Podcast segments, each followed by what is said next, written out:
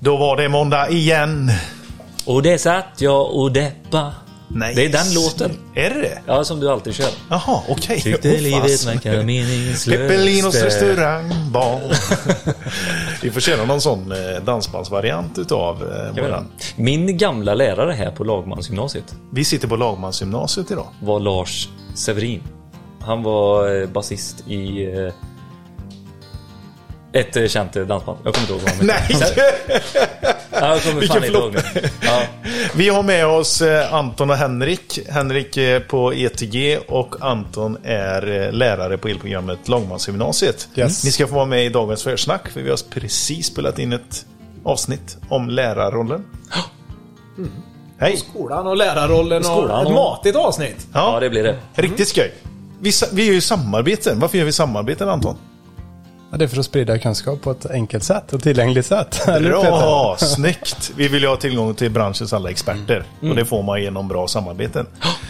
Dagens, veckans avsnitt görs i samarbete med Vi har Schneider. Som varit med oss eh, sedan eh, dag ett eh, snart här. Grönt och skönt. Grönt och skönt. Ja. Vi har ju Garo E-mobility. Deras, de har ju, har ju varit med ganska länge på den sidan också. laddboxar sedan 2009 utvecklat. Nej, ja, det var nog ännu tidigare. Det var nog ännu tidigare. Ja. Ja, vågar inte jag säga. Säg något där bara. och vi har Skylt Direkt. Och även förra veckans avsnitt som var med Nexans. Nexans är ju en, eh, en samarbetspartner till oss. Det görs ju en del kabel i Grimsås. Så är det. Hoppas ni njöt av det avsnittet. Lyssnar du Henrik? Jajamän, det var jättebra. Vad var det som var bra? Det var intressant att höra deras eh, historia. Så. För Nexans i skolans värld, de har vi ju, använder vi mycket i och eleverna får skruva upp och spika upp kabeln. Så att, Ja. kul att få lite bakgrundsfakta också. ja. Visste du att det var från Grimsås? Ja, det visste jag, det står på kartongerna. Ja, du läser... eh, på Ja, Billy kände det inte till jag. det. Nej, det hade, jag, det hade jag faktiskt koll på. Ja, okej. Men visst får man lite mer respekt eh, för det när man hör hela bakgrundshistorien och allting? Ja, det är jättekul. Och just det här med ladan, hur det startade och liksom från till, till där de är idag. Så, så att, nej, det var väldigt bra. Mycket bra avsnitt. Ja, det var kul. Och det, det är ju lite roligt nu för de här fyra samarbetspartnerna som vi har, de är ju också en del av det här avsnittet som vi ska prata om idag. För att vi ska prata om framtidens elektriker. Hur ser det ut 2030? Tillsammans med Svenska Elektrikerförbundet. Kul va? Precis. Kul! Och det är ju lite vad de håller på med här och spår i framtiden och försöker göra det lätt för oss elektriker och alla verksamma att verka i branschen. Urban, eh, som är ordförande, Urbanovic. Urbanovic säger ju faktiskt i avsnittet där att eh, en gång i tiden så var vi där för att spå framtiden. Men vi har lite grann tappat det. Så nu valde de att spå in i framtiden i olika arbetsgrupper eh, med medlemmarna. Så att det, eh, det finns en rapport, kan man kalla den. Ligger på deras hemsida. 28 punkter, utvärderade och klara. Och bara läsa. Vad händer? Vad är utmaningarna? Och så får man ju säga då, det är ju en utgångspunkt från eh, fackets eh, eh, syn, Synvinkel. synvinkel på det. säga, ja. Så det finns ju andra vinklar på fra, framtidens elektriker också. Verkligen. Och det vet ju, alltså ni kan ju verkligen ta del av detta och prata med era elever eh, om vad, vad de tror om det som har spåtts här eller hur, vad de tror själva. Det kan vara intressant att ta upp den rapporten och kolla på tillsammans. Anton, du som är lärare. Yes. Vad säger du till eleverna om eh, framtidens elektriker? Jag tror det går snabbare än vad vi tror och vi kan inte... Om man tittar tillbaka 15 år så, och tittar fram 15 år så kommer de här 15 åren gå snabbare. Ja, det tror jag. ja garanterat. Vad är det som kommer styra mest tror du? Det digitala. Tror inte det. Det ska vara lätt. Folk, eh, folk vill göra det snabbt och enkelt och smidigt och direkt. Det tror jag. Mer programmering då kanske? Eller? Eller att någon annan gör det och du bara gör det tillgängligt till någon. Mm, mm. Kanske. Mer specificerat brukar det bli saker. Det är en punkt som vi tar upp faktiskt också. Hur man ska hålla koll på alla olika parter som kommer in nu när det blir väldigt brett och specificerat som du säger. Henrik från ETG, hur eh, anpassar ni eh, skolorna inför framtidens elektriker? Ja, men framtidens yrkeslärare skulle jag säga då. Ja. För det är ju där det grundar sig i. Hur eh, får vi nya yrkeslärare in på elenergiprogrammet? Hur motiverar vi och gör liksom elläraryrket attraktivt också så att vi har de som utbildar elektrikerna? Så tänker jag. När jag tänker framtidens elektriker. Ja. Fan vad gött! Ni, ni, Ja, ni, har, ni, ni har tänkt till här nu va? Bra! Nu lyssnar vi på avsnittet och så ser vi ifall, hur rätt ni har här. Ha en god vecka allihopa! Hej hej! Hej hej! Om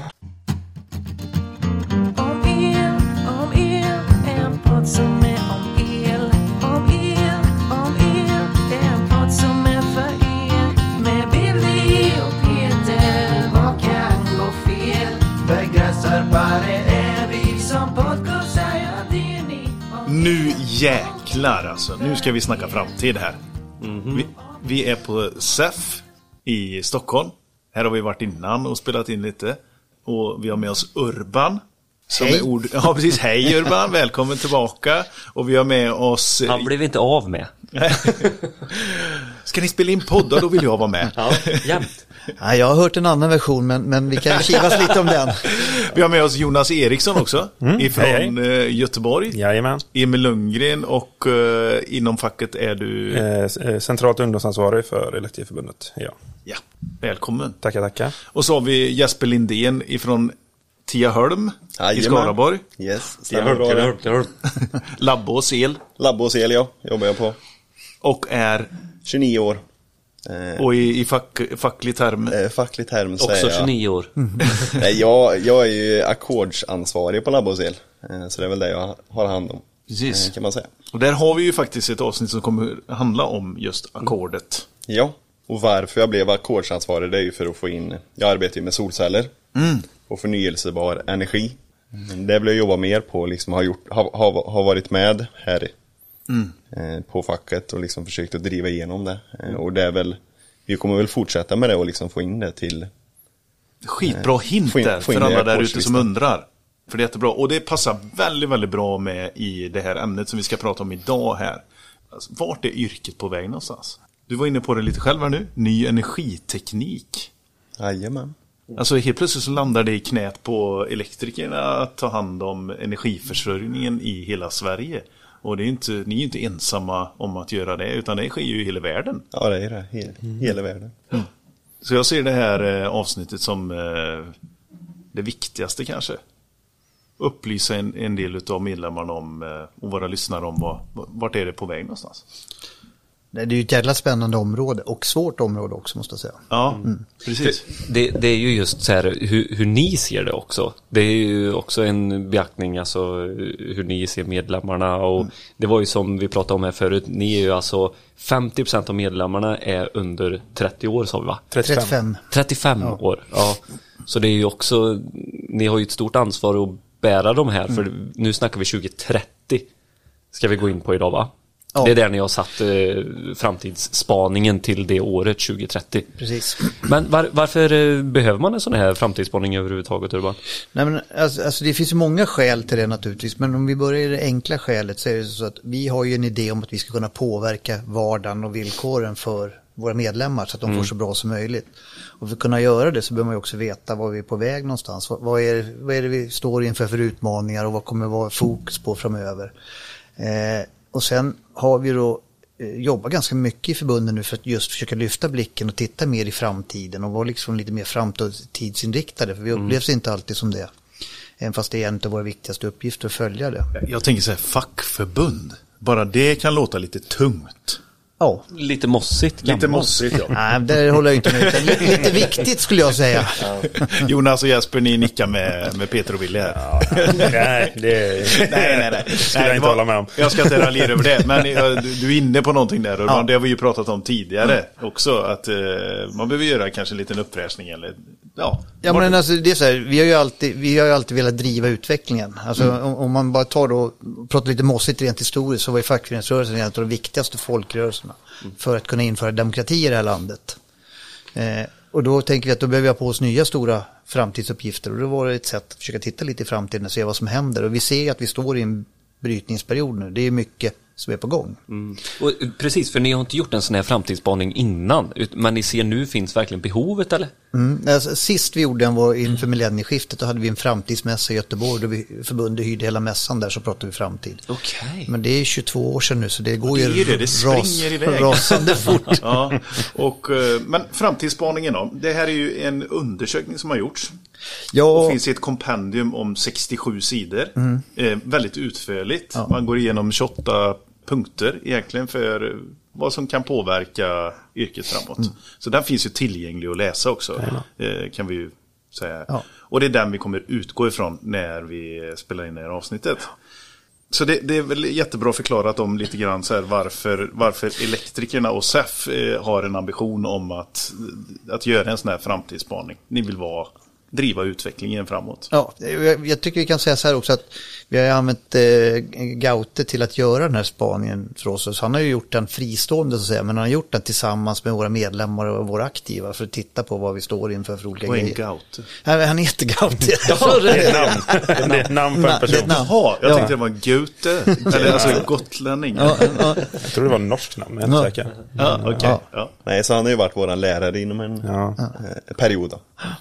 Eh, Som, eller lärare, det har ju varit mer att han Samtalsledare skulle har, man Samtalsledare, han har liksom ställt vettiga frågor som vi kan liksom diskutera och spana om och även kunna brainstorma lite till. Eh, Hur många är det som har varit aktiva i den här undersökningen? Bra fråga. Vi har haft ett antal olika... Ja, men ett undersökning eller så arbetsgruppen eller vad kallar ni det? Är det Ja. projekt eller är det undersökning? Nej, undersökning skulle jag inte kalla det, utan det är ju ett arbete för att göra en framtidsspaning. Ja, vi har ju haft, nu vet jag kommer jag inte ihåg, men det har ju varit olika, ska man säga, arbetsgrupper eller undergrupper med x antal olika personer i varje. I olika åldrar och aktiva inom förbundet eller inte och så vidare. Eh, som har varit med och svarat på frågor då där Gaute har varit samtalsledare och så. Så att jag vet inte hur många sådana grupper vi har haft men vi... vi Men ni har ju varit i olika, Jonas och Jesper till exempel. Ja, Jajamän. jag har inte varit samma. Och ni, du, du hade tre med. Nej, vi var, vi, alltså det, eftersom vi är, vi är ju ett yrke där många, när man närmar sig 30-35 så gör man lite karriärsväxlingar och så. Så vi var Ja. fem från början och sen så var vi väl tre. Det var några som bytte och blev undersköterska och så istället. Så att det, det blev lite um, avhopp på, på vägen. Så Okej, men hur, och ni var tre till, i Ja, grupp i, Jonas? rätt igenom och så var vi, Ja. vi var fem de första Ja. tillfällena. Så hur många var ni Jesper? Eh, Vi var också fem ifrån början. Ja, okej. Eh, Men sen så hoppade vi nog ner till ja, tre också tror jag. Men då fick vi byta till en annan grupp så vi kunde Jaha, slå ihop dem er? då. Vad Jajamän. Jajamän. Eh, Så vi var nog ändå fem, ungefär fem på varje möte. Men det är Så- intressant, hur många sådana här grupper? Ja, vet- ja, det vi? borde jag ju bara kunna svara på som ett rinnande vatten, men om jag kommer ihåg det hela så är det nog fyra, var det fyra grupper. Eh, och sen var det ytterligare en, eh, ett antal personer då som inte var medlemmar som kom utifrån för att få en, en, en omvärldsanalys. Då. då hade vi en som driver ett av de större företagen här och sen så var det med politisk bakgrund och en som okej. kom från tjänstemännen. Så vi har haft liksom en, försöka få en bredd i det här också Ja. då. Ja, jag förstår. Hur, hur var ingången ifrån eh, Gautes eh, sida i grupperna? Hur förklarar han liksom eh, uppdraget här? Nu vet jag inte hur, om man har gjort olika i olika grupper, men i min grupp där jag satt så var det väldigt mycket där han ville veta dels på, varför vi hade blivit valt att bli elektriker, så att säga, vi som satt med i gruppen. Eh, hur våran eh, vardag har sett ut och hur vi, hur vi ser på hur, vad som kommer hända inom branschen de nästkommande åren, så att säga. Eh, där vi egentligen fick leka med våra tankar utifrån den utveckling vi har sett under de åren vi har jobbat. Eh, Allt ifrån hur materi- material förändras, hur teknik förändras, hur branschen förändras och så vidare. Och sen har vi liksom fått diskutera det och vad vi tror och, och så vidare. Vad, vad har det legat för ansvar på er att vara upplysta? Hur menar du? Spana, spana trender i ny teknik till exempel eller utmaningar i arbetsförhållanden. Och, har, det, har det legat på er som individer? För det är ju inget man går och tänker på dagligen. Liksom, hur, har yrke, hur har mitt yrket förändrats Nej. här de senaste åren? För ni fick säkert en liten tankeställare själva när ni kom in i Det fick gruppen, vi. eller? Eller jag fick en jätte så. Jag, fick, jag Ja. gick och funderade väldigt mycket på vad jag ser och, och vad jag tror och så vidare. Mm. Eh, men jag skulle inte säga att det fanns något att vi liksom att, att man bollade över ett jätteansvar på så utan det var mest vad vi ser och vad vi tror. Ja. Eh, och mycket handlar ju utifrån hur vi, vi ser hur eh, Speciellt hur tekniken inom branschen förändras väldigt mycket. Eh, mycket man går väldigt mycket till mer, man försöker hitta trådlösa varianter. Det är, med, det är larmlösningar och så vidare. Eh, Eh, Så att det, liksom, det är mycket som kommer förändras inom det. Som vi ser det. det är väl, och det har ju varit lite utifrån vad vi själva tror. Mm, mm. Eh, Så att, Eh, Och Jesper, du, du håller ju på med ny teknik också väldigt mycket i vardagen. Jajamän, så för mig så var det ju ganska, det var ju en självklarhet. Eh, Det som man pratade om. Men för mig så var det mer att jag började tänka på det mer och hur jag skulle kunna utveckla och förändra och liksom eh, den biten då. Eh, Men själva framtidstänket har jag ju automatiskt för jag försöker ju hela tiden leta efter den nya tekniken för att det ska bli lättare för mig. Plus att jag är ju, jag är ju ute, åt, eh, ute hos väldigt många kunder. Och när jag är ute hos kunderna så får jag ju väldigt mycket frågor eh, om vad är nästa grej, eh, hur ser det ut, ska jag eh, installera den här grejen för att, det blir lättare då? Och då har jag ju fått sätta mig in i det och liksom ja, ta reda på det som kunden vill. Och därför så har man detta varit- spånar framtiden lite hos kunderna också liksom. Jajamän, det är ju det samtalsämne som kommer upp mycket. Men se, ser ni precis som Urban sa här att det, det, facket har en väldigt eh, viktig roll här? Att SEF spelar stor roll också hur framtiden kommer se ut. Ser ni också det nu när ni har suttit i arbetsgrupperna eller hade ni med er det liksom? Ja, vad fackets roll i den här framtidsspaningen? Ganska svår fråga, men- Nej, men jag kan ju ta enligt, enligt min erfarenhet. Eh, Jag, var ju, jag gick ju med i en grupp på, här eh, på facket för, det är väl en fyra år sedan. Och det var ju en ackordsgrupp. Grejen var att det var en som hette Mo- Morgan som kom ut till mig eh, och hade en intervju på plats, eller han gjorde ett platsbesök. Där han frågade liksom om allting. Ifrån hur jag tog mig till arbetet, vilka grejer jag monterade, hur vi gjorde när vi lyfte ut panelerna. Det gick han igenom och då ville han även att jag skulle dokumentera det här på ett x antal olika anläggningar. Så jag tror jag gjorde fem stycken. eh, Där jag gick igenom det som jag precis sa egentligen. Man, Hela arbetsprocessen. hela liksom. arbetsprocessen. Och då är det ju även tiden på varje arbetsprocess. Eller varje arbetsmoment. Då. Eh, Hur lång tid det tog att skruva upp växelriktaren. Hur lång tid det tog att liksom lyfta panelen. I vissa anläggningar så får man ju upp panelerna direkt på taket eller på ställning. Om det, om det finns möjlighet. Men vissa anläggningar då får man först lasta in det i bilen eller på kärra. Man tar panelen, eh, man skjuter den upp på en stege till exempel. Det kan vara ganska krångligt. Alltså, det kan vara ganska krångligt. Eh, och Bökigt att vara utanför en ställning, en stor panel liksom.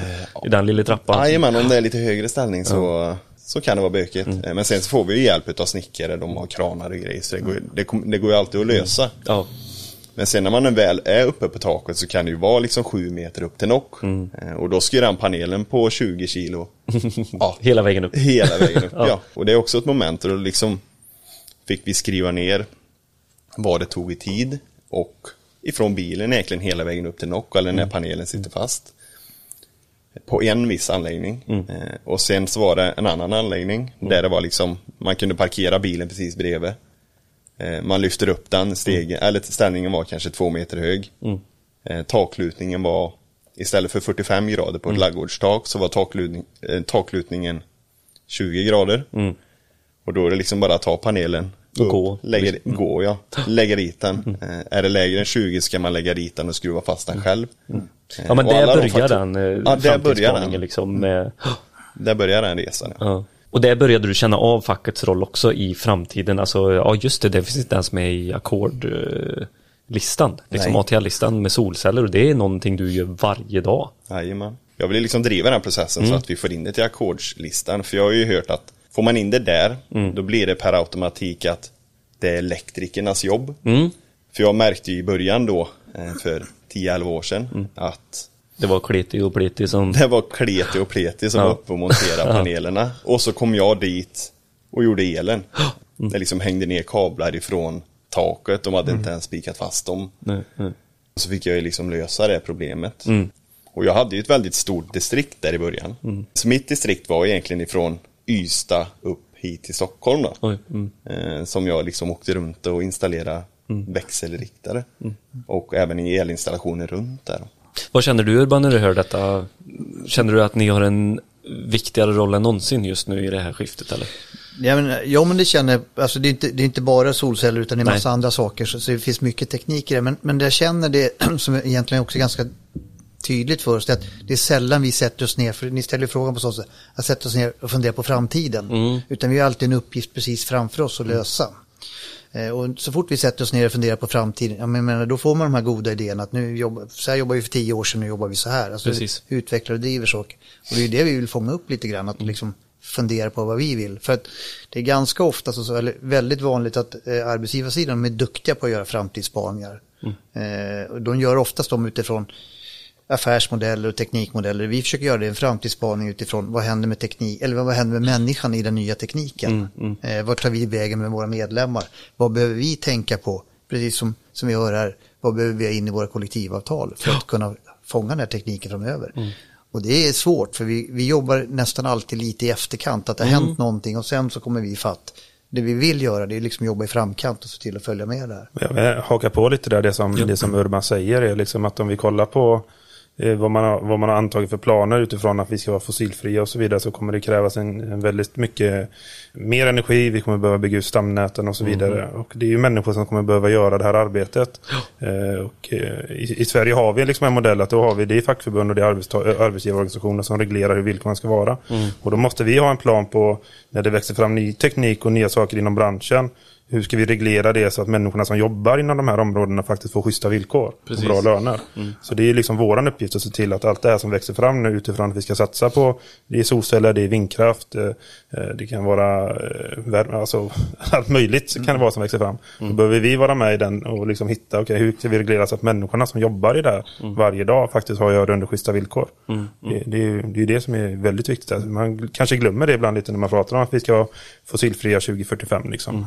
Det är någon Men som ska någon göra måste göra jobbet. jobbet också. De, de ska, måste göra det under schyssta villkor. Vi har ju några siffror som vi faktiskt kan eh, trigga lite med eh, för att, att våra lyssnare ska förstå vart, eh, hur mycket det kommer påverka. Jag noterade i, eh, i den här framtidsspaningen där om att vi ska bygga 60 000 nya lägenheter varje år, eller lägenheter, bostäder varje år här nu fram tills 2030 kanske. Ja, det borde vara 2030, men är livsfarligt att fråga efter siffror så står det. För det är så många siffror Ja, det finns så- mycket siffror, men, eh, Men- men bara det, varje Det låter år. lite orimligt i alla fall. Ja, Det- men det, det är det som behövs. Eh, Vi har 30 000, det var ju faktiskt en, det var Ian som tog fram den siffran där, att vi behöver bli 30 000 fler personer i branschen för att kunna hantera vad elektrifieringen kräver. Och det, var, ju- det är ju fram till nästa år. Det kommer bli svårt. Men klimatmålen sätter ju den här påverkan. Men jag tycker de talen är, det säger ganska mycket om vad fasen eh, som kommer landa i knät på den här branschen. Ja, men- och det här yrket. Ja, och jag tror det är en sak som är, alltså, den, även fast det är ganska självklart och alla är överens om det, men den är viktig för oss som förbund och som bransch, det är att vi har en god arbetsmarknad framför oss. Det ger oss självförtroende att våga. Eh, att dels våga testa olika saker och dels våga då ställa de här kraven för att få en bra och schysst arbetsmarknad. Och det är lite viktigt att man ändå har, har fram det här med jämna mellanrum och kollar hur det ser ut framöver, för det påverkar också vad vi kan göra. Eh, och, och det är inte bara så att vi ska bygga lägenheter och ska byggas på ett annorlunda sätt med största sannolikhet. Det kommer bli en annan teknik i. Och det är också en sån här viktig sak för oss att följa med. Att bara för att man digitaliserar så vill vi fortfarande vara med och strömsätta och testa anläggningen. Ja, ja. Och då är ju utbildningen ett, eh, en väldigt stor grej egentligen. Även när man har, inte bara liksom i skolan, det är liksom när man kommer ut på arbetsplatsen sen. Kunna sätta sig in, eller ha möjligheten utav chefen eller vad det nu är då. Och få tiden till att utbilda sig, sätta sig vid en dator och läsa på i två timmar innan man gör arbetet. Till exempel om man ska eh, montera en elbilsladdare eller vad som helst för att få det så optimalt som det bara går. Men vad tror du eh, Jonas är den trend eh, de närmsta tio åren som kommer påverka yrket mest? Jag har fått den här frågan innan och jag kommer, jag kommer säkert svara helt annorlunda här nu. Men det, det jag tror är just eh, alltså det är teknikutvecklingen. Alltså det finns, och det, jag tycker det är fantastiskt roligt också. Eh, det finns ju olika forskningar, till exempel eh, speciellt inom solcellstekniken, liksom, där man forskar på att ta fram solceller som man kan installera i fönster, som vi installerar i lägenhetskomplex. Så att fönstren kan driva hela husen, så att säga, så att de är självförsörjande. Det finns eh, utveckling som håller på, man utvecklar att ta fram eh, 3D-printade solceller som man kan sätta i träd och ha i alléer, som kan försörja gatubelysning och annat. Så det, det, jag skulle säga att tek, ja, teknikutvecklingen eh, kommer vi se en jättestor... Den kommer driva mest. Ja, jag tror det. Och, där, och det är där jag tror att vi kommer behöva hålla koll på. För där kommer det poppa fram nya eh, sätt att utföra detta som eh, behöver regleras på något sätt eh, i kollektivavtal. Och då är frågan, hur ska det regleras i vilket kollektivavtal och varför? Urban, du som har lite mer erfarenhet än, eh, än oss eh, här i rummet. Har det, har det inte varit, eh, har inte det här skiftet funnits eh, tidigare liksom? Eller varför kommer det just nu? Nej, nej men ä- alltså grejen med alla de här skiftena, det är att de, de, vi vill gärna beskriva som att det kommer hända imorgon, men det pågår ju i en process. Eh, och det har ju förändrats hela, hela tiden. Eh, däremot så det, det vi ser det är att det går fortare nu.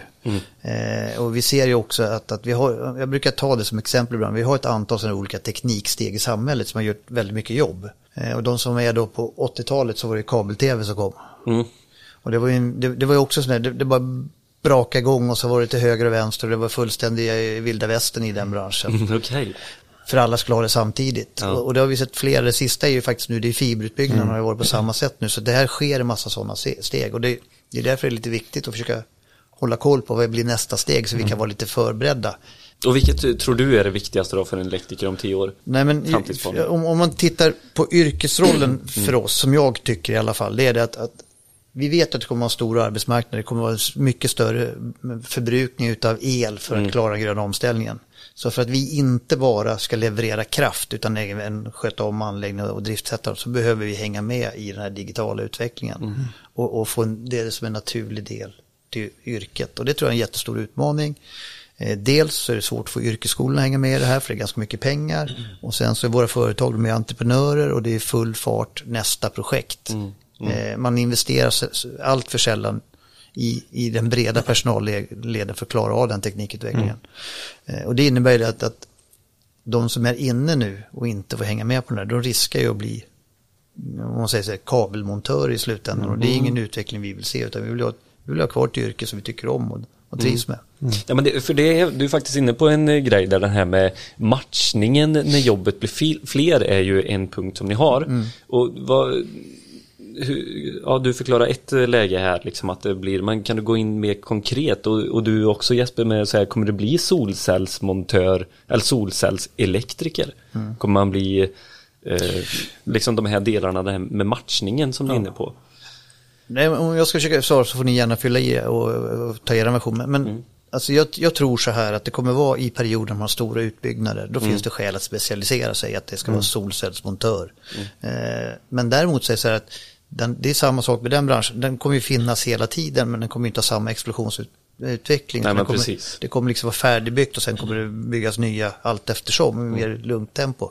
Då är det ju viktigt att vi har kvar det så att det går tillbaka så att säga. Då är det elektriker som gör det också så det blir en del av yrket. Det är en sån här sak som jag tänker. Och samma sak är om vi tittar då på, på eh, modularuttagen som ska kunna driva 90 watt på en arbetsplats. Det kommer ju förändra väldigt mycket av hur vi installerar i kontor. Och då är det viktigt att kunna vara med och driftsätta de här och se till att få det att funka och kanske även för elfirmor att sälja hela arbetsplatsen. Att det här skrivbordet blir det billigaste där utan det är allt runt omkring med belysningen som sitter i den. Eh, och det är också viktigt att vi hamnar med i det sen och, och har det som en del av vårt jobb. Så vi får det här breda jobbet som vi tycker om.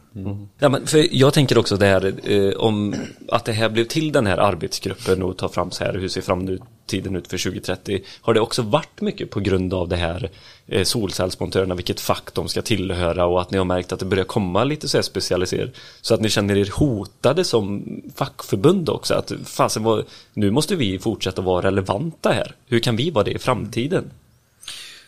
Eh, om, om jag ska börja där så, så, så är det nog egentligen inte solcellsmontör utan den här utbildningen. Nej, men det var ett exempel, men, eh, men, men, men den här utvecklingen börjar ju tidigare. Det är så här att, och, e- och egentligen så tror jag det som har spelat mest roll i det, åtminstone utifrån min horisont och min perspektiv, det är ju larminstallationer. Okej. Mm. Hur det gick då från ganska komplicerade kopplingsanläggningar till allt är trådlöst idag. Mm. Och när det var trådlöst så, så hade man uppfattningen att det skulle tillhöra någon annan. Då Mm. var det inte ett elektrikerjobb eh, längre också. Det är också en missuppfattning. Mm. Så Elektrikerförbundet är, har ju en väldigt tydlig prägling på elektriker men vi organiserar inte bara elektriker utan vi organiserar människor som arbetar med el på ett Mm. eller annat sätt och det finns till de mesta apparaterna. Det är en viktig roll eh, som eh, man inte får glömma av i, i detta. För det, jag tror som dig Jonas att teknikutvecklingen kommer nog göra vara det kanske som påverkar mest.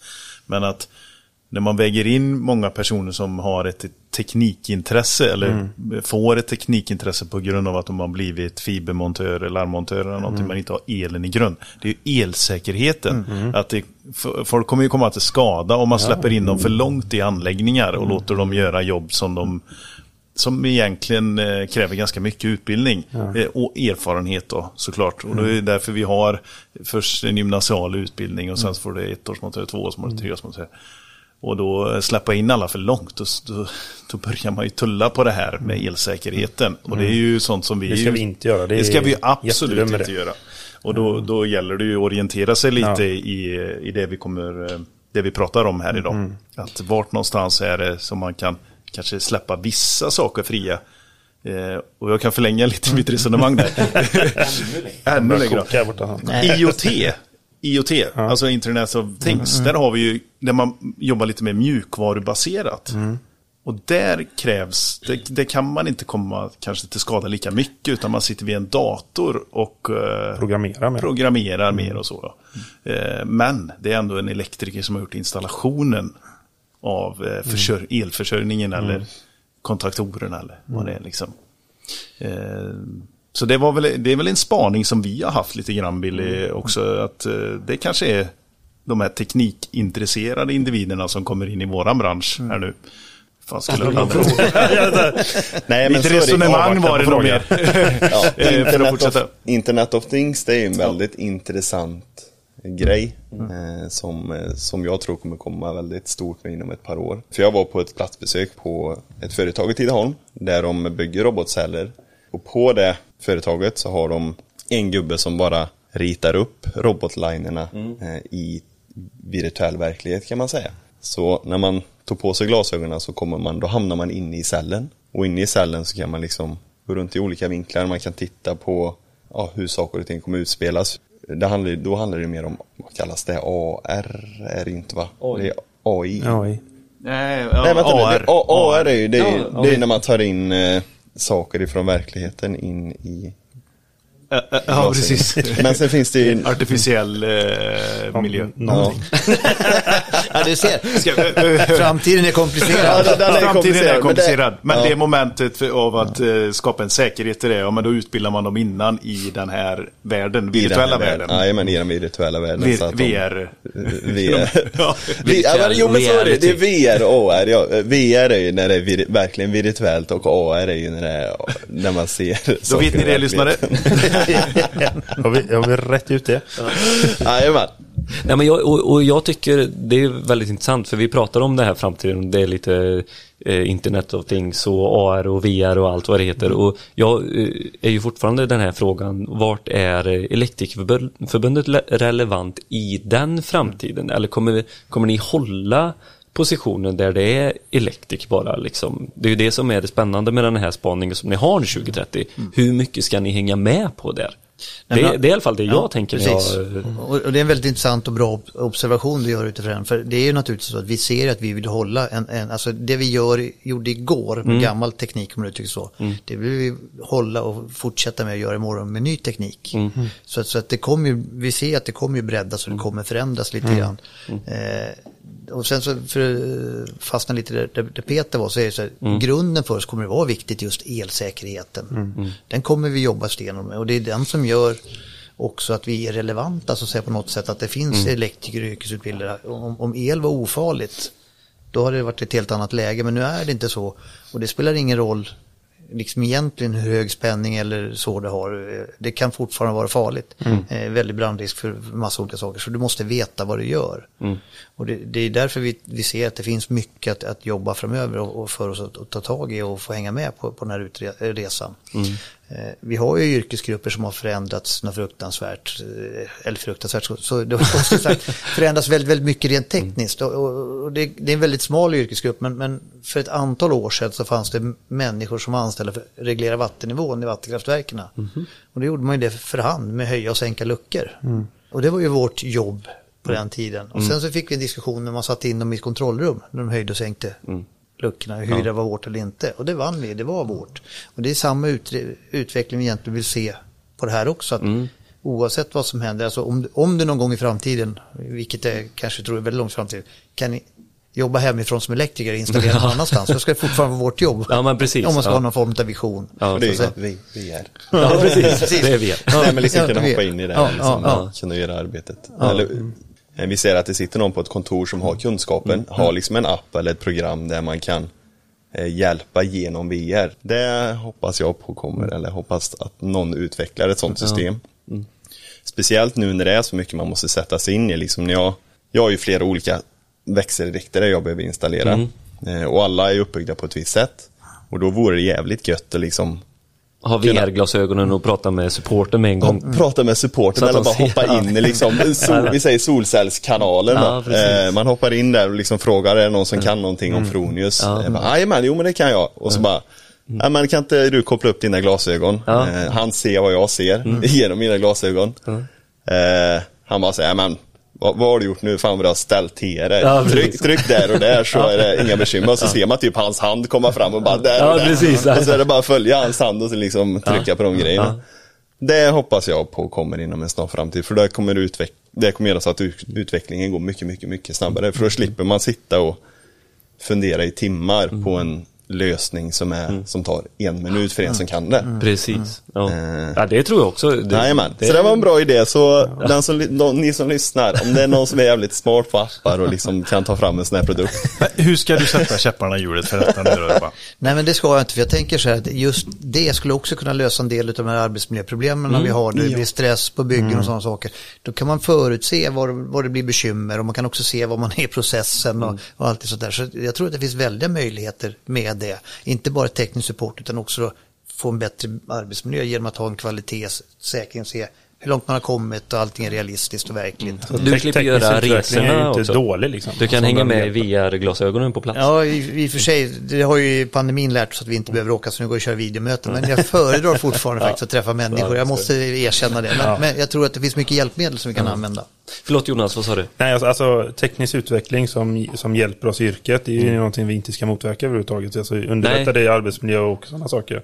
Så är det ju saker vi ska liksom, ta in och anamma liksom. Ja, för där har ju ni ett ansvar Ja, som eh, fackförbund och se till att era, era medlemmar hänger Och med har- i den. Vi kommer ju också se, liksom, eh, om vi kollar utveckling på Alltså, vi kommer ju börja bygga laddstolpar. Folk köper ju elbilar som galningar nu för tiden. Liksom. Och kollar vi då i kombination hur folk kommer sätta upp laddstolpar hemma och lagringsmöjligheter batterier och kanske till och med vätgas i framtiden, vem vet. Hur- ska det installeras på ett säkert sätt liksom, och sådana saker. Det är också sådana diskussioner som kommer komma. Liksom. Sen tror jag en viktig sak att säga återigen, det är att, att och där är väl svensk fackförening eller nordisk fackförening ganska, ganska unik i världen, men vi har aldrig varit emot utveckling. Nej. Utan vi har velat vara med och påverka utveckling. Alltså, nu får du ta det som, som skrönor och historier, men det har ju funnits eh, i länder där man har strejkat när man ska införa automatiska elväxlar på tåget för att det tar bort jobb. Ja, men precis. Det har inte varit våra modeller, utan våra modeller har varit att följa med i utvecklingen, få leda utvecklingen och få göra någonting nytt, mer spännande. Och det är ingen det är ingenting vi överger, utan tvärtom med den här framtidsspaningen så försöker vi stärka det spåret och se till att, att vi ser att vi får en bättre utveckling, att medlemmarna mår bättre på jobbet och de har ett intressantare jobb. Men då tycker jag så här. Vi behöver ha in så mycket mer människor här nu. Och vi behöver behålla de som faktiskt utbildar sig. Så kan ni eh, berätta för en högstadieelev här och motivera dem att stanna kvar i yrket och, och fortsätta genomlida Söka lärlingstiden. sig till yrket. Söka sig till yrket också. Genomlida lärlingstiden. Så kan man se på det. Nej, men, eh, men för mig själv handlar det om alltså, alltså jobba som elektriker, jobba inom elektrikeryrken. Det är, det är jävligt roligt, det är utmanande. Man får väldigt mycket, liksom, man får ett eget ansvar där man själv får tänka fritt. Man får möjlighet att hitta lösningar på problem som uppstår. Så man, man får utmana sig själv, så det är ett väldigt roligt yrke. Eh, och sen skadar det inte att det är ett välbetalt yrke också så sätt. Eh, det skadar inte liksom. Men jag skulle säga att det finns ett yrke som liksom kan utmana dig själv och du kan utvecklas som människa, du kan utvecklas i din, i din arbetsroll. Du kommer hela tiden stöta på nya tekniska utmaningar där du behöver själv uppdatera dig själv, du behöver kompetensutveckla. Så det är ständigt att du utvecklar dig själv inom ditt eget yrke. Så det är ett väldigt utvecklande yrke ska jag säga. Precis, och där, eh, det- för det hör vi jättemånga säger. Jag har ju inte jobbat som det, men jag kan ju se det utifrån. Men kopplat till eh, framtidsspaningen, Urban. eh, Hur, hur skulle du vilja motivera eleverna då? Eller nya personer? Ja, jag vill lägga till en sak eh, innan vi går vidare på framtiden. Men, men vi gör en årlig medlemsundersökning. Och då har vi, har vi en sån fråga nu. Vi ställer frågan, var, eller trivs du på jobbet, ja eller nej? Och svarar ja då, varför trivs du på jobbet? Och de allra, allra flesta trivs på jobbet. Och det vanligaste svaret är att jag har goda kollegor. Man, man har bra arbetskamrater runt omkring sig. Så även det är en viktig sak i det här yrket. Så vi kanske glömmer bort lite grann med all den frihet vi har och ansvar vi tar. Men vi har också väldigt bra arbetskamrater. Och det, det ska man nog komma ihåg.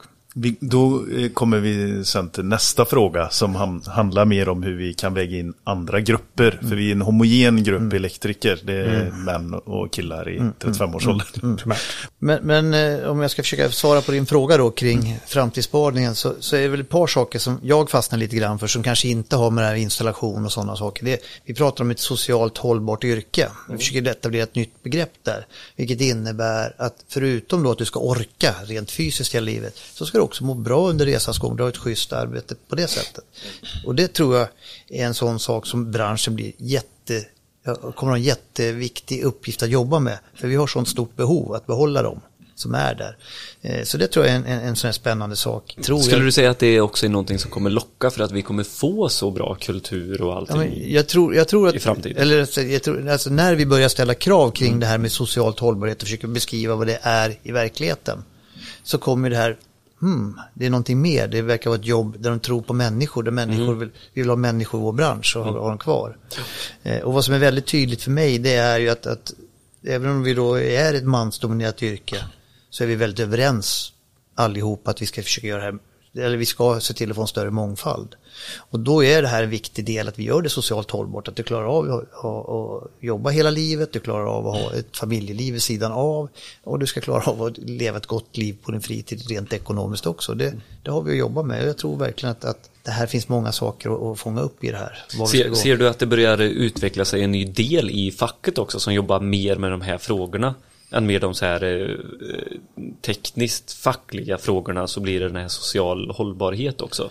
Att det kommer bli ett eget ben i facket. Ja men egentligen är det så här, problemet är, eller vi har ju jobbat med det hela tiden men vi har varit väldigt dåliga på att beskriva det och vi har varit väldigt, alltså vi har pratat om arbetsmiljö och lön. Eh, nu försöker vi bredda begreppet att det, det är inte bara arbetsmiljö och lön utan det är Nej. socialt hållbart. Alltså, Om vi tittar miljön där som faktiskt har kommit mycket längre på det när man pratar om en, en hållbar miljö över tid.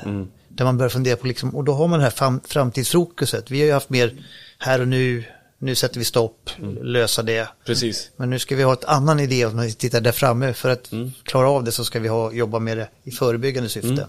Jätteviktigt ju. Men Jonas, ni behöver bli fler på Labbos el där. Jesper, förlåt mig. Jonas Jesper. Ja, det är svårt. Du menar att jag ska få in en lärling till, eller en ifrån skolan? Hur, hur eh, Så- utifrån så- rubrikerna som sätts med elektrifiering, digitalisering och allting och ny teknik och vi, jag vill få ner min eh, elräkning hemma och sådär. Hur kan du motivera andra till att eh, genom elyrket så kan du faktiskt vara med och påverka?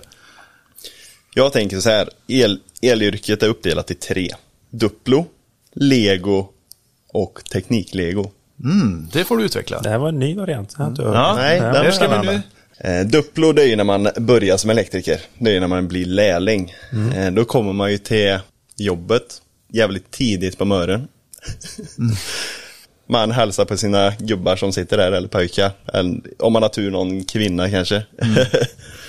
ja, efter det så tar man en kopp kaffe. Man åker ut till kund. Kör ner huvudet. Arbetar i två timmar.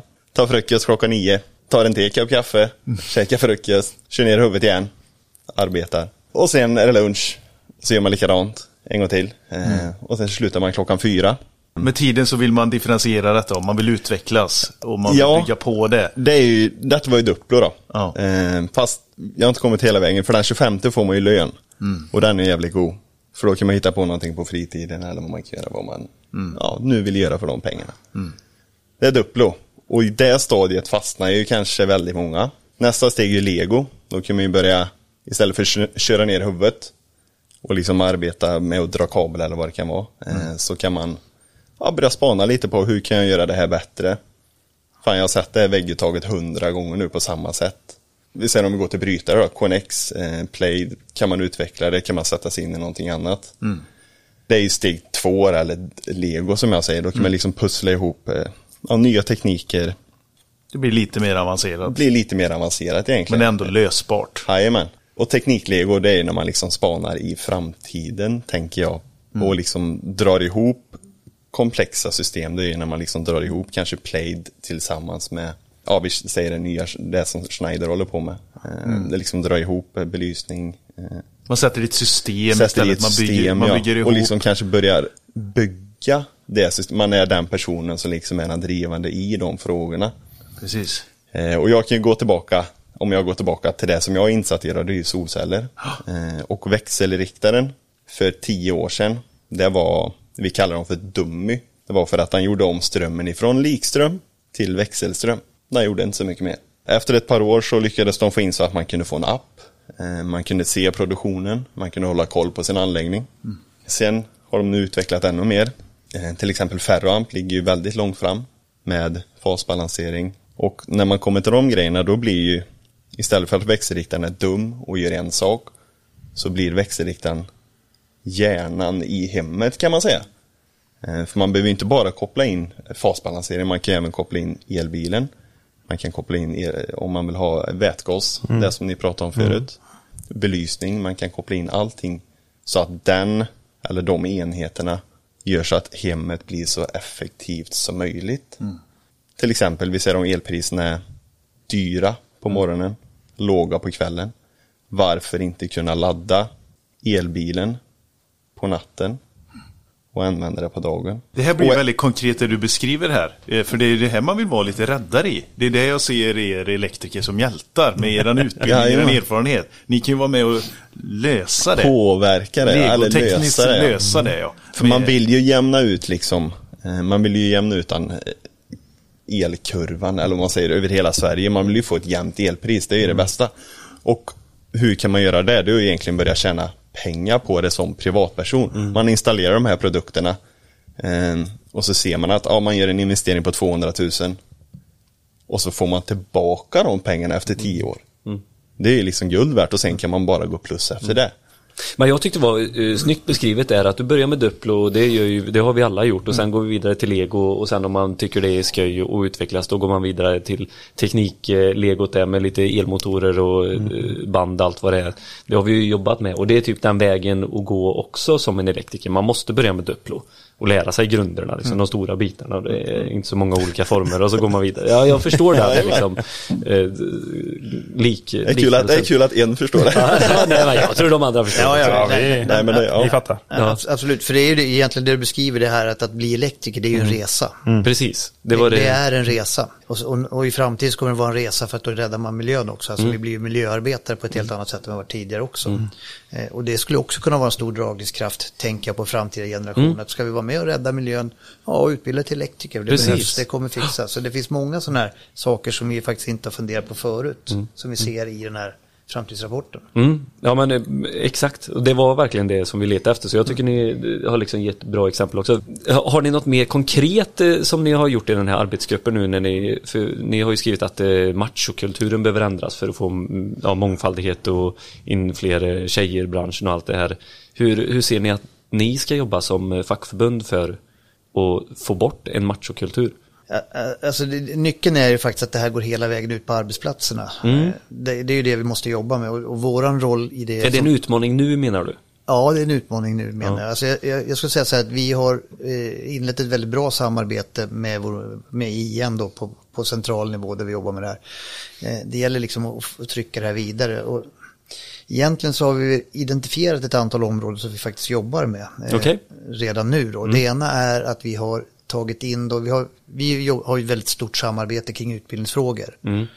Eh, och då i Upplyst som är vårt projekt kring det här och vi väljer också att egentligen inte kalla det för machokultur utan vi, vi vill belysa de goda exemplen. Det är väl egentligen det vi tror är en del i det hela. Men där har vi börjat nu då att, att eh, jobba med våra olika utbildningsenheter vi har. Så det ska bli en naturlig del i deras arbete att titta på de här frågorna. Eh, jag och Ola kommer den 17 mars, eller har den 17 mars, för det här har väl sänds då, eh, skrivit en, debattartikel där vi har tittat på de ojämställda lönerna i, Ja, okej. I branschen. Om vad ska, Ola är ju... Ja, just det. Han är vd på installatörsföretagen. Ja, precis. Igen. Igen.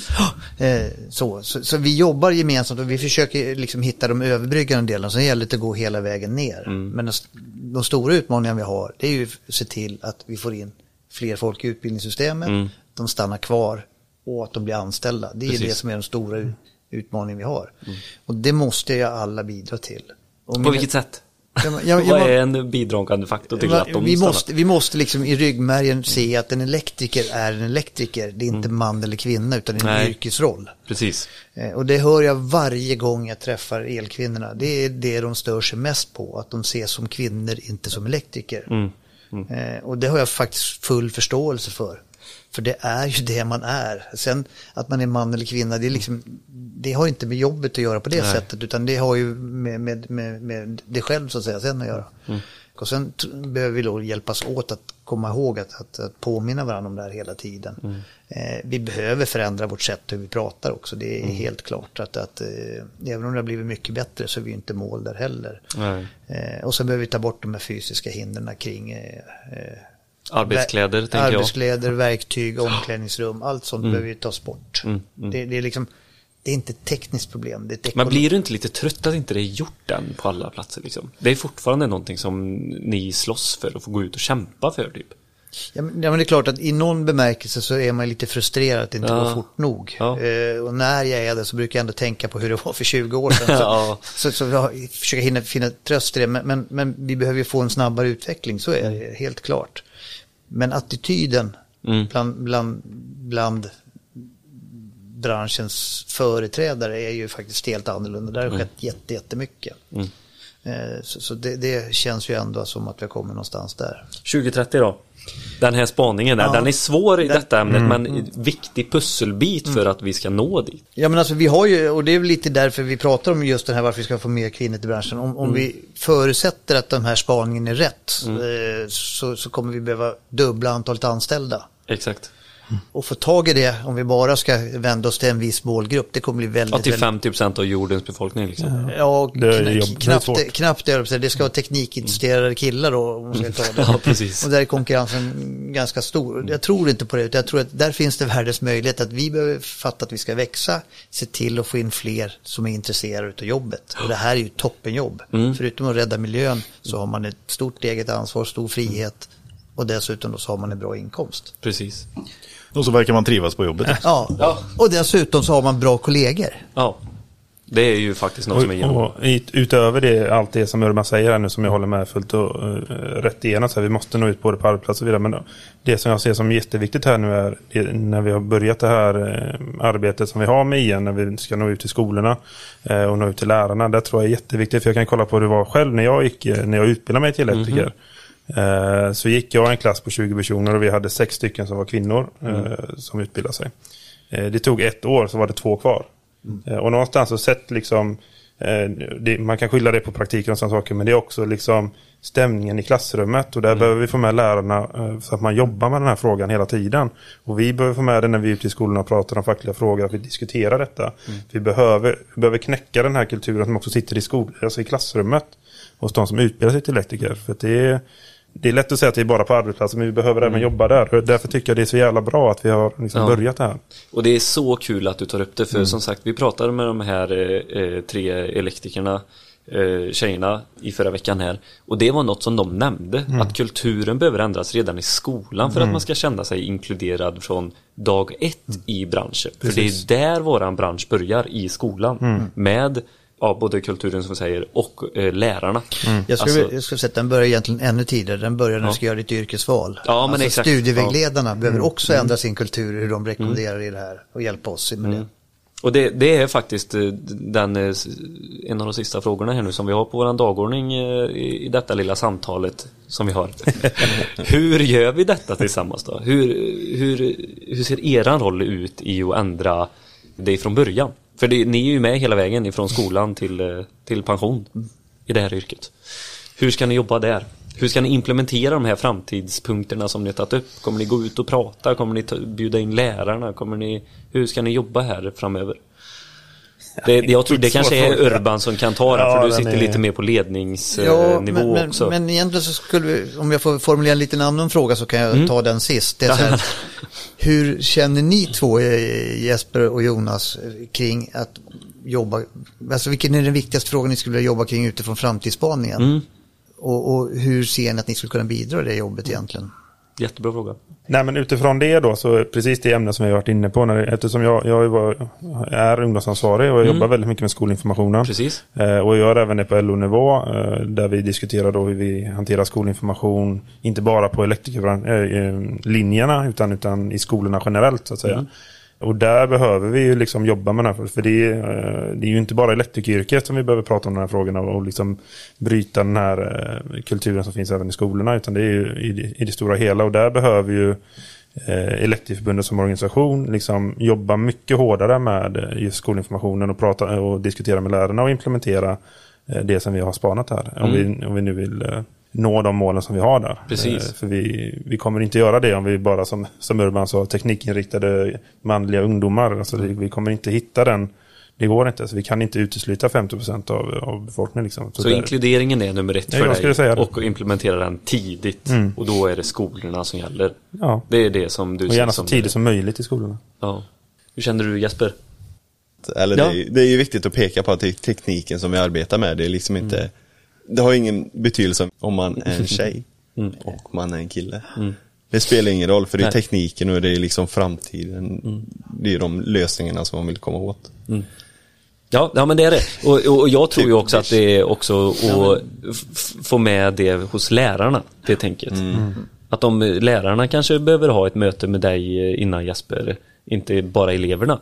Utan att du förklarar lite så här, men så här jobbar vi jättemycket nu på våran firma och det här är en framtidsspaning som vi har gjort både med SEF eh, och som jag liksom står bakom att Jajamän. teknik är det som ni måste också lyfta lite mer i redan på eh, gymnasienivå. Jajamän. Men eh, ja, nu, nu tänker jag här, facket. Som vi sa, de, ni har ju jättestora eh, skyldigheter höll jag på att säga, men eh, Ansvar. ett ansvar, Ansvar. har ni. Ja, ni har skyldigheter också. Jajamän. Eh, Men ni har ett jättestort ansvar att hjälpa till skolan eh, och utveckla och få in de här eh, punkterna som ni har i den här framtidsspaningen. Hur, hur ska ni lyckas med det mot yrkeslärarna och få med de som har varit med i yrket väldigt länge? Det, oftast är det ju lite äldre gubbar, jag säger det. Äldre gubbar som är lärare. Hur ska de förstå det här som ni har tagit fram nu? Den här framtidsspaningen. Ja, men alltså dels så har vi ju en allmän uppgift att försöka sprida den här så brett som möjligt. Mm. Och vi kommer att använda den i, i vårt dagliga tal och sådana saker. Och det är liksom en naturlig del vi gör. Men, men, men sen är det viktigt att komma ihåg att vi jobbar redan idag mot skolorna väldigt mycket. Vi gör, Men rustar ni i skolorna?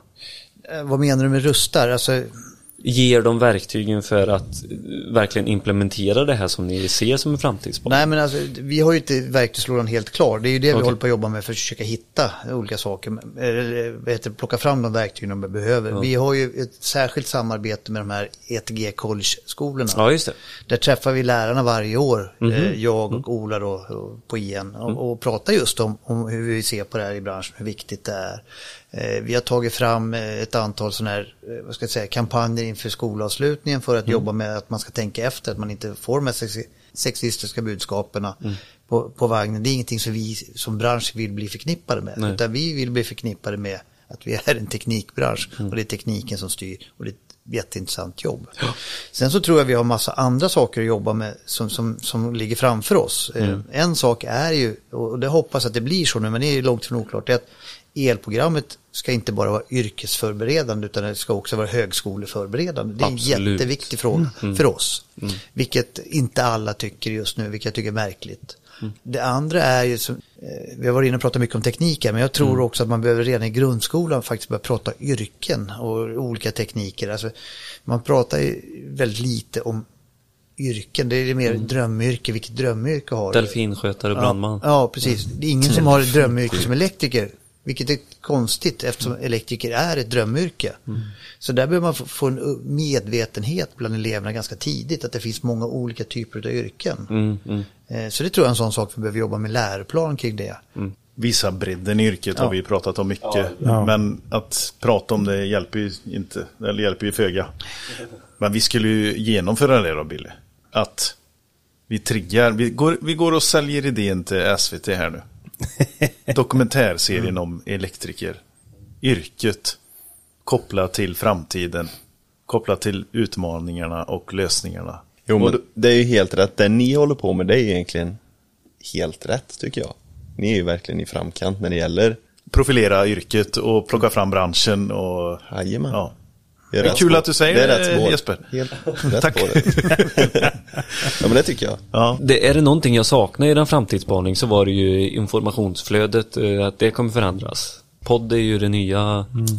Det här var inte med någonting Urban. Nej, men- men- Då har du ändå varit med tre gånger. Ja, precis. Och det, podd är Nej, inte framtid för oss längre, utan vi är ju redan inne i det. Ja, okej, det är därför. För det är en etablerad verksamhet. Det är, det är en före detta fråga. Det är, Ja, precis. Nej men podd, podd sociala medier, liksom TikTok vad det än gäller så är det ju viktigt att visa sig Ja, där. För, för att liksom få in ungdomen då. Jajamän. Så där, eh, det, det, ni är ju bra här.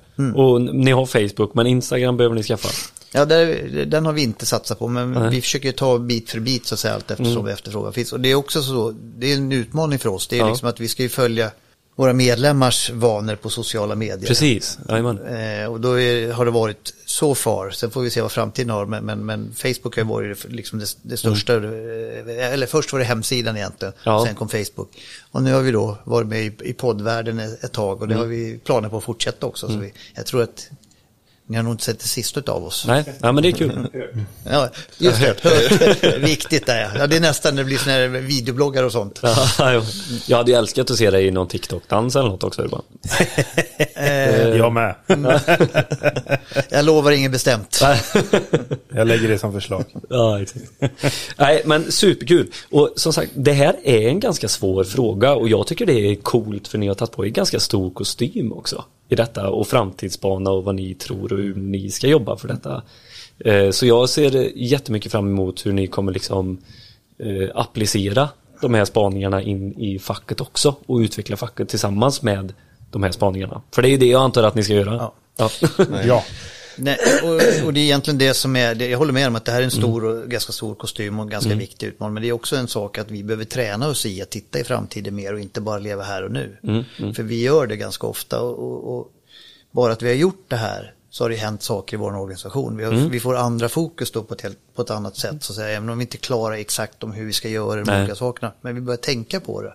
Och det är då dyker upp rätt som det är en riktigt god idé och då har vi den. Och då tar vi den direkt. Ja, superkul. Men det, det, är, alltså det är en stor kostym, absolut. Men det är också roligt och jävligt spännande att göra detta. Så det, är liksom, det ska man ta med sig. Att det, är, det är roligt och spännande också. Precis. Och det tycker jag är gött. Ni har ju det ansvaret. Ni är ju stora i eh, vårt, vårt yrke och har ett ansvar. Och nu tar ni, tar ni ett jätteansvar här. Det tycker jag är kul. Mm. Men eh, ja, är det någon som eh, har något att tillägga? Annars så har vi gjort en jädra framtidsspaning här nu. Och ni har ju jättemycket att jobba med så ni behöver ut jobba. och jobba. Ni kan sitta här länge. Jobbar jag. Nej, men jag drar nu. Hej då. Nej men det, ni känner er nöjda? Jag är jättenöjd där. Ja. Det är spännande ämnen att prata om. Lite, lite svårt, som- men ja. Ja, men Jätteroligt, kommer jätteroligt tillbaka. att få vara med. jag säga. Ja men jättekul att ni ville vara med allihopa. Tack så jättemycket. Tack, tack. Tack, tack själva. Om